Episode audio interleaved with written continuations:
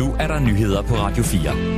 Nyborgerliges partistifter Pernille Vermund gør muligvis politisk comeback. Hun stiller sig i hvert fald til rådighed som formand for Nye Borgerlige. Det sker efter, at hendes efterfølger Lars Bøge Mathisen er blevet ekskluderet fra partiet efter en strid om penge. Ifølge Jesper Hammer fra Nye Borgerliges hovedbestyrelse, så har Lars Bøge Mathisen krævet at få overført 350.000 kroner fra partikontoen til hans personlige konto. Pengene skulle bruges på en personlig branding-kampagne, og så har Lars Bøge Mathisen angiveligt også bedt om at få 55.000 kroner månedligt og en fireårig uopsigelig kontrakt det svarer til 2,6 millioner kroner. Det er alt sammen ud over hans folketingsvederlag på 65.000 kroner om måneden eksklusiv pension. Lars Bøge Mathisen fortæller i det blå hjørne her på Radio 4, at han ikke mener, at formandshonoraret på de 55.000 kroner månedligt, som han ønskede, var for meget. Jo, det ville det være, hvis, hvis der ikke var uh, således, at man har lavet nogle omorganisering, øh, således at man sparede en masse midler. Øh, og det var det, som, som vi vurderede, at der var det rigtige, netop fordi vi er et lille parti. Så den øh, omregistrering, som vi gjorde, sparede reelt set partiet for en, ja, altså kan man sige på en øh, periode, på en fireårig periode, som vi snakker om her, vi sparer partiet om for omkring 2,5, cirka 2,5 millioner. Og han har ikke fortrudt, at han krævede de penge, siger han.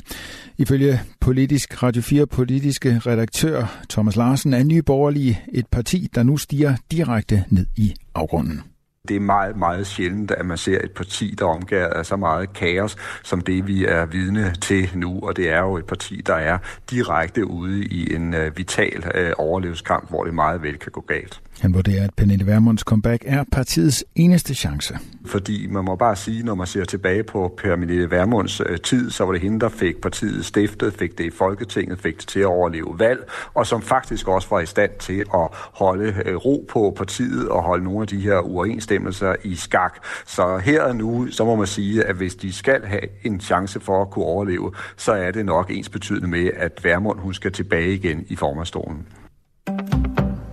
Iran og Saudi-Arabien er blevet enige om at genoptage de diplomatiske forbindelser mellem de to lande.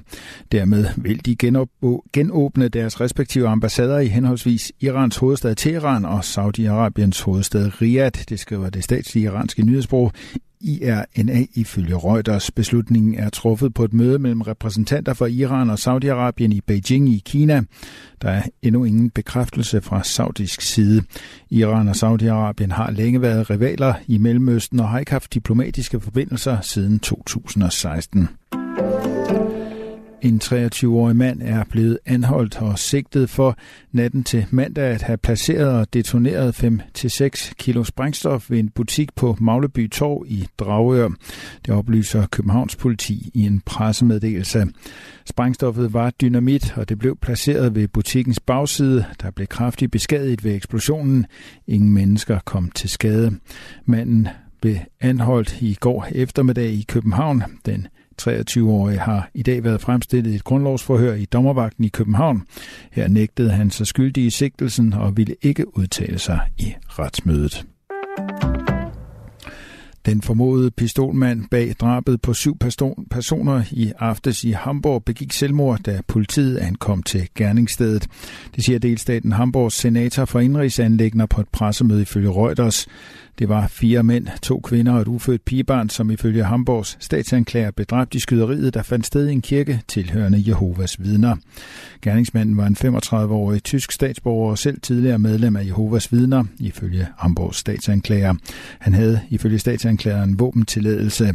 Ved en rensagning af den formodede gerningsmands lejlighed i dag fandt politiet ifølge statsanklageren 15 fyldte magasiner. Dagens 6. etape i Paris-Nice er blevet aflyst af sikkerhedsmæssige årsager. Aflysningen kommer et par timer efter, at man i første omgang afkortede etappen på grund af strid vind. Efter at have gennemgået mulighederne for at ændre ruten og afventet, om vejret ville blive bedre, har arrangøren besluttet at aflyse 6. etape for at bevare rytternes sikkerhed.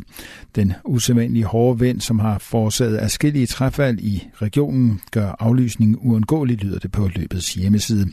Inden de to sidste etaper fører sloveneren Tadej Pogacar løbet sammenlægt. Danske Jonas Vingegaard ligger på tredjepladsen 46 sekunder efter.